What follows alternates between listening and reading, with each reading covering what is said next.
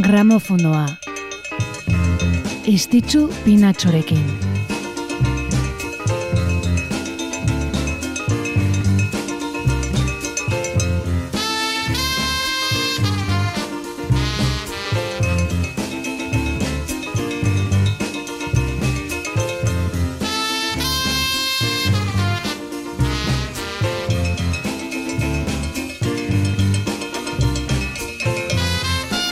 Gabon, Gabon eta ongi etorri, ongi etorri gramofonora. Eta ongi etorri amandio baitare antza, Euskal Herriak neguari. Orain arte epeletik ibili bagara, aste honetan euria, hotza, elurra ere bai zenbait lekutan, bueno, sasoi honetan eh, urteko garaiotan ohikoagoak diren temperatura edo klimatologia aurretik genuen zen akaso lekuz kanpo zegona. Tira ba ezkara eguraldi kontu ez eh, solastera etorri ona, musika saioa da hau eta kantu sorta prez daukagu gargero. Beraz, has gaitezen, gehiago luzatu gabe.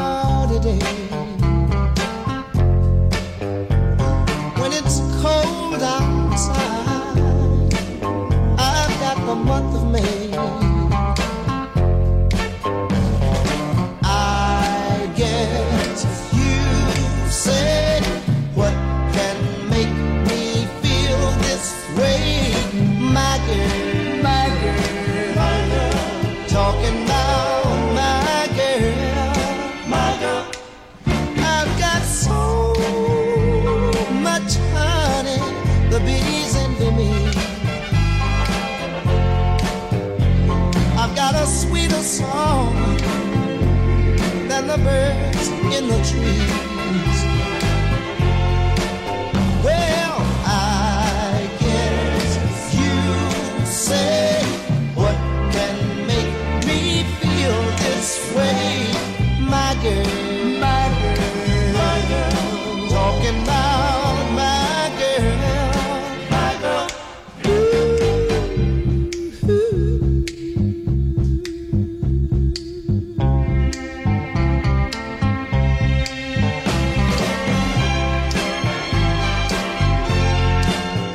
Musikaren historian ez ezik, e, irratsaio honetan ere klasiko bihurtu den talde batekin ereki dugu urtarrilaren emezortziko hau. The Temptations taldearekin e, bertako kide izan baitzen gaurko egunez berrogeita batean jaiotako David Raffin. The Temptations e, soul taldeko abeslari bakarlaria izan zen, mila bederatzen da irurogeita lau eta irurogeita zortzigarren urteen artean taldearen eh, urrezko garaian eta My Girl honetan aditzen aldugu David Raffin. Irurogeita zazpian kokainarekiko zuen menpekotasuna unditu egintzenean eh, bere izena taldearenaren aintzinetik joatea nahi izan zun. David Raffin and the Temptations edo olako zeo zer. Diana Ross and the Supremes eh, adibideari jarraituz. Orduan, hasi ziren arazoak. Hortik aintzinera, kontzertuetara bere kabuz bakarrik joaten hasi zen eta handik eh, urte batera taldea utzi eta mota uneko iztetxea ere auzitara eramantzen. Naiz eta akordio batera letu ziren azkenean, baino gauzak horrela, irurogeita bedetzian bakarkako ibilbideari ekintzion. Larogeita amekan zendu zen eta larogeita emezortzian rock and rollaren ospearen aretoan sartu zen David Raffin.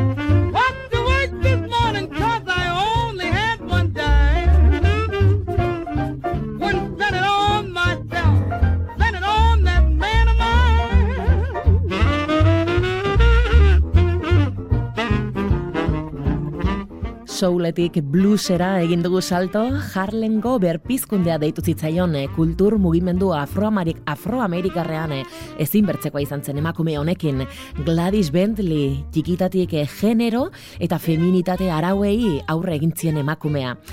Gainontzeko neskak bino handigua zen eta nahiago omentzun anaiaren arropa jantzi. Bino horrelako portaera deserosoak zirela eta gurasoek medikoaren gana eramantzuten eta psikiatreek gizartera ez egokitzeko muturreko jarrera gisa sailgatu zuten bere portaera. Hamasei urtekin, Philadelphia utzi eta Harlemera joan zen Gladys Bentley Broadwayko agente bat txundituta utziz. Eta bere ala, zortzia besti grabatzea proposatu zioten. Hogei garren amarkadaren hasieran eh, abeslari, pianista eta animatzaile gisa debutatu zuen Harlemgo gay giroko lokal ezagunenetako batean, bere eunda hogeita mar kilokin eta esmokin xuria eta kapela kopaduna jantzita, travesti koru baten ondoan aritzen zen kantuan. Mila bederatzera onda hogeita mairuan bere ikuskizuna Broadwayra eramaten saiatu zen, bino kexa unitz jaso zituzten bere jarrera lizunaren gatik. Horren ondorioz, poliziak lokal hoiek itxi egin zitun, eta hogeita malauan, mila bederatzera onda hogeita malauan, Gladys Bentleyk Harlemera bueltatu bihar izan zun. Bere karreraren hasieran bere burua lesbianatzat jozun Gladys Bentleyk, soinekuak eh, erabiltzen hasi zen berrogeita margarren amarkadan, eta bere azken urteetan eh, Eliza Evangeliokora edo Evangeliora hurbildu eta predikari izateko ikasi zon. Emakumezkoen hormonak hartuz sendatua izan zela adierazita. Bapatean hiltzen, berrogeita amabi urte zitula neumoniak jota mila bederatzireun da iruro gehian. Boogin My Googie, Gladys Bentley.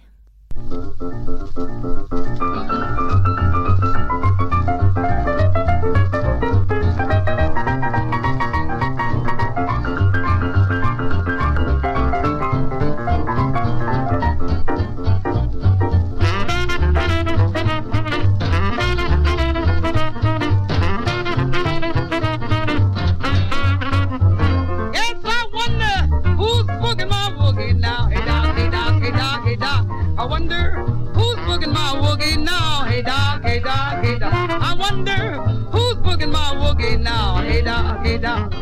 Said the little red rooster, the little white hen, ain't had no lovin' since I don't know when. I wonder who's boogin' my woogie now. Hey dog, hey dog, hey dog. I wonder who's boogin' my woogie now. Hey dog, hey dog. Roses are red and violets are blue. If you take my man, I'll take yours too. I wonder who's boogin' my woogie now. Hey dog, hey dog, hey dog. I wonder who's boogin' my woogie now. Hey dog, hey dog.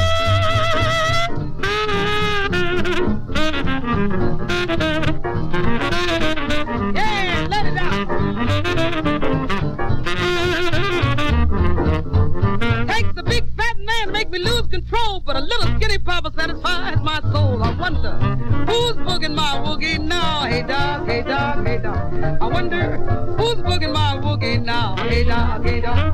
There was a hip old lady who lived in a shoe. She had no children, she knew just what to do. I wonder who's booging my woogie now. Hey dog, hey dog, hey dog. I wonder who's booging my woogie now. Hey dog, hey dog.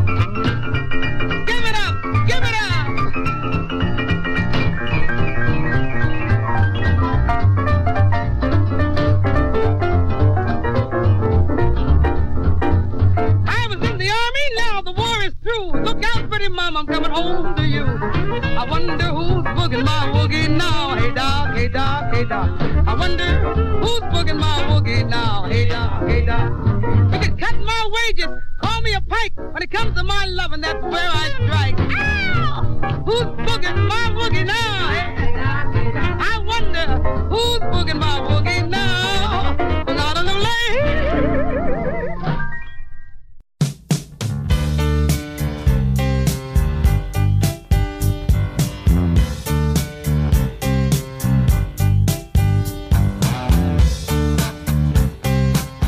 Gladys Bentleyren Bugin My Googie aditu ondotik irurogeita margarren amarkadara eginen dugu salto. I saw a werewolf with a Chinese menu in his hand Walking through the streets of Soho in the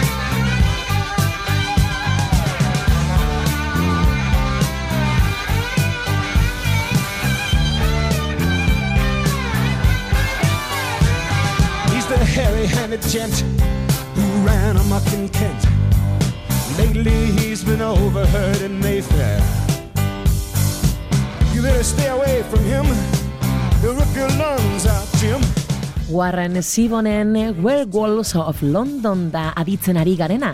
Warren Sibon, bai, eh, gora beraz beteriko bizitza izan arren, dibortzioak, alkoholismoa, eh, suizidio saiakerak ere bai, musika munduko bertze izen handi batzuen errekonozimendua lortuzun. Bertzeak bertze Bob Dylan, Neil Young edota Rem taldearena. Seguronik eh, gehienontzako hause izanen da Werewolves of London bere kanturik eh, ezagunena. Gaur, urteak betetzen ditun, Excitable Boy diskoan eh, aurkeztu ziguna. Eta Martin Scorsesek The Color of Money filman, diruaren kolorea edo, filmeko soinu bandarako erabilizuna. Berrogeita bortz urte bete ditu Excitable Boy diskoak gaur Warren Sibonek argitaratutako irugarrena. Bere ibilbideko salduena ere bai, platinozko disko izatera ailetu zena izandako salmentengatik. 2002an biriketako minbizia diagnostikatu zioten Warren Siboni hiru hilabeteko bizi itxaropena emanez, azkenean gaixotasunari aurre egin izan zion urte betez, eta denbora horretan azken disko bat grabatzeko aukera izan zun The Win, hil baino astebete lehenago argitaratu zuna. Hau izan da seguranik eh, bere kantu sonatuena, bino ezagutzen ezpaduzue agitz diskografia oparoa eta benetan gomendagarria du Warren Sibonek.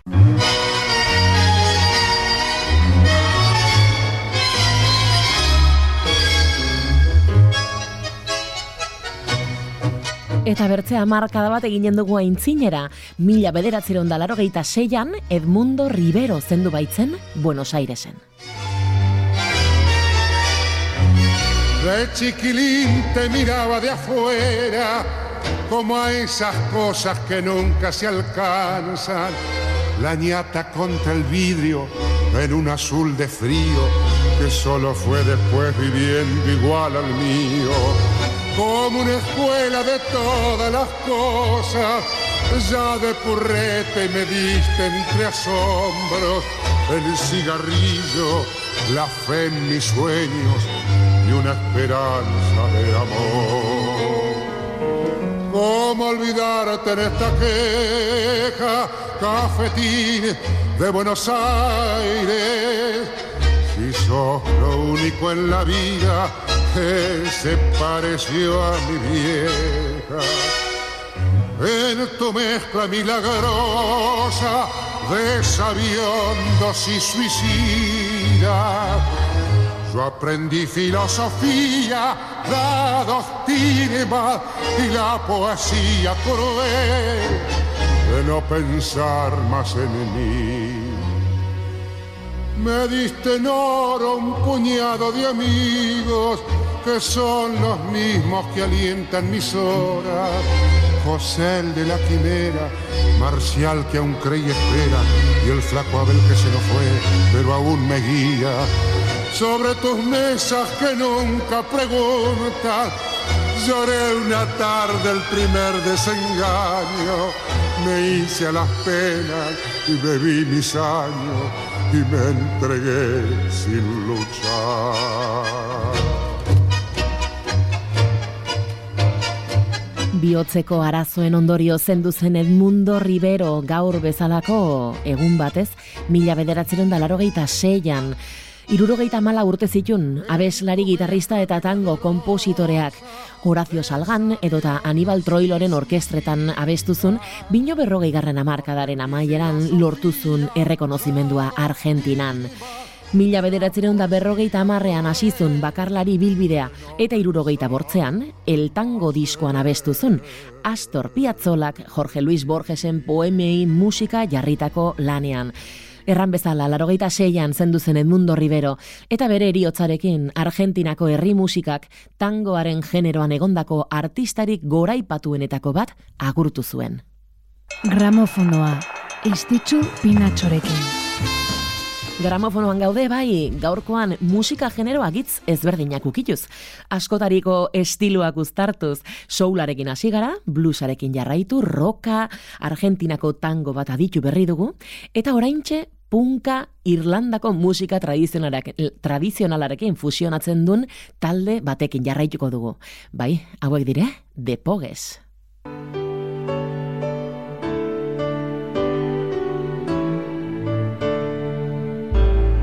Was Christmas Eve, babe, in the drunk tank. An old man said to me, won't see another one. And then he sang a song, the rare old mountain tune. I turned my face away and dreamed about you. Got on a lucky one, came in eighteen to one. I've got a feeling this year's for me and you. So happy Christmas.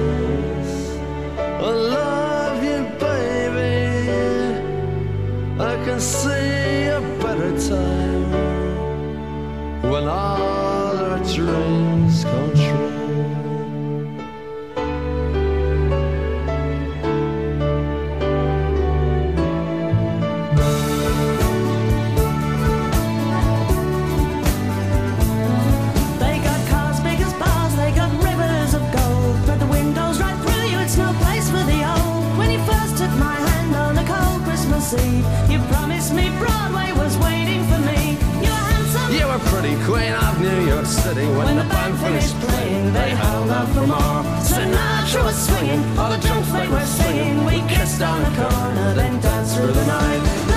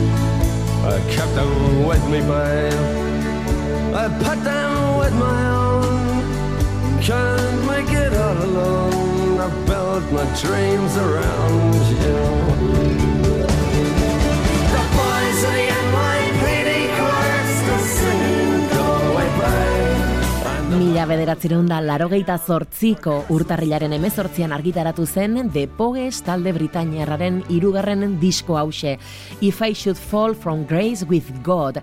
Lan honetan Irlandako folk eta punkaren arteko fusioari Espainiako eta ekialde erdiko folklorearen eh, eraginak gehitu zitzaizkion. Aurreko bi diskoek bino planteamendu komertzialagoa izan zuen, eta Kristi Makulekin batera grabatutako Fairy Tale of New York Gabon kanta hau gehitu zioten. Oraintxe aditzen ari garen hit hau. Hilabete lehenago single gisa argitaratu zuten eta ingalaterrako zerrendetan bigarren postua eskuratu zuen. Eta horrek, album hau depogesen diskorik salduena izatea ahalbidetu zuen folk country doinuak orain, Kate McGarrigalen eriotza gogoratzeko. 2008an zendu zen, minbiziaren ondorio zirurogeita urte zitula, Ana Aizparekin de McGarrigle Sisters bikotea osatu zuen amar album argitaratuz. Eta musikari familia bateko ama ere izan zen Ludon Wainwright kantautorearekin ezkondu zenean. Bi seme alaba musikari izan baitzituzten Rufus eta Martha Wainwright musikariak. Honen izena Love Over and Over.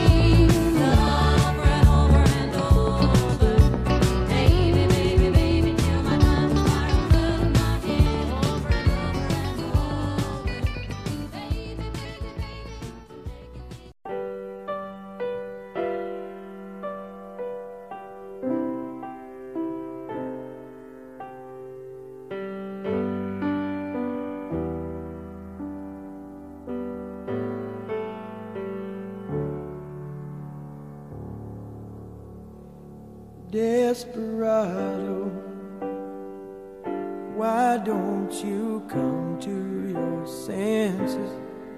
You've been out riding fences for so long now. Oh, you're a hard one, but I know that you got your reasons. These things that are pleasing you can hurt you somehow. Don't you draw the queen of diamonds, boy? She'll beat you if she's able. You know the queen of hearts is always your best bet. Now it seems to me some fine things have been laid upon your table, but you only want the ones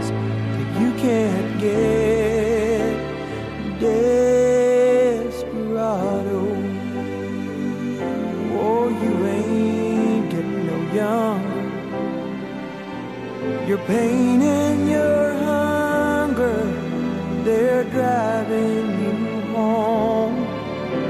And freedom, oh, freedom, well, that's just some people talking. Your prison is walking through this world all alone. Don't your feet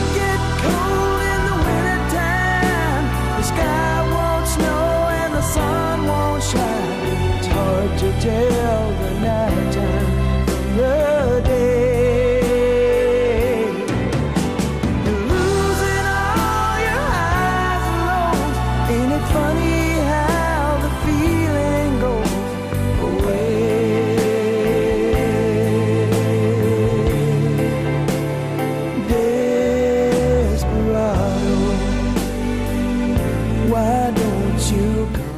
Balada klasikoak ere bai gaurko gramofonoan Eagles talde Kalifornia rospetsuaren eh, abeslari, gitarrista eta sortzaileaz mintzatzeko.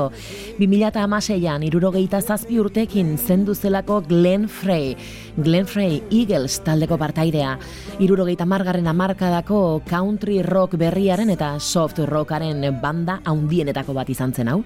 Mundu mailan edapen izugarria izan zutenak Hotel Kaliforniarekin goia jo ondotik. Bino Glenn Frey bakarka ere ibili zen, mila bederatzeron dalarogeita bian asizun bere ibilbidea eta estudioko bortz disko eta zuzeneko bat utzi zizkigun. Eriotza aspalditik zituen hainbat gaixotasunekin lotutako komplikazioen ondorioa izan omentzen. Balada eder honetan Eagleseko taldekideekin batera aditu dugu, bino erran bezala, bakarka ere egintzun ibilbide oparoa. Eta hause, horren adibide, The Hit is On honen izena, bera da Glenn Free.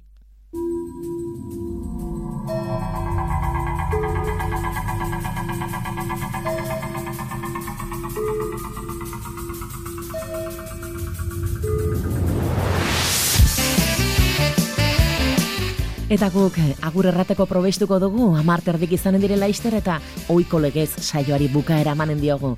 Amets goxoak izan ditzazuela, Gabon.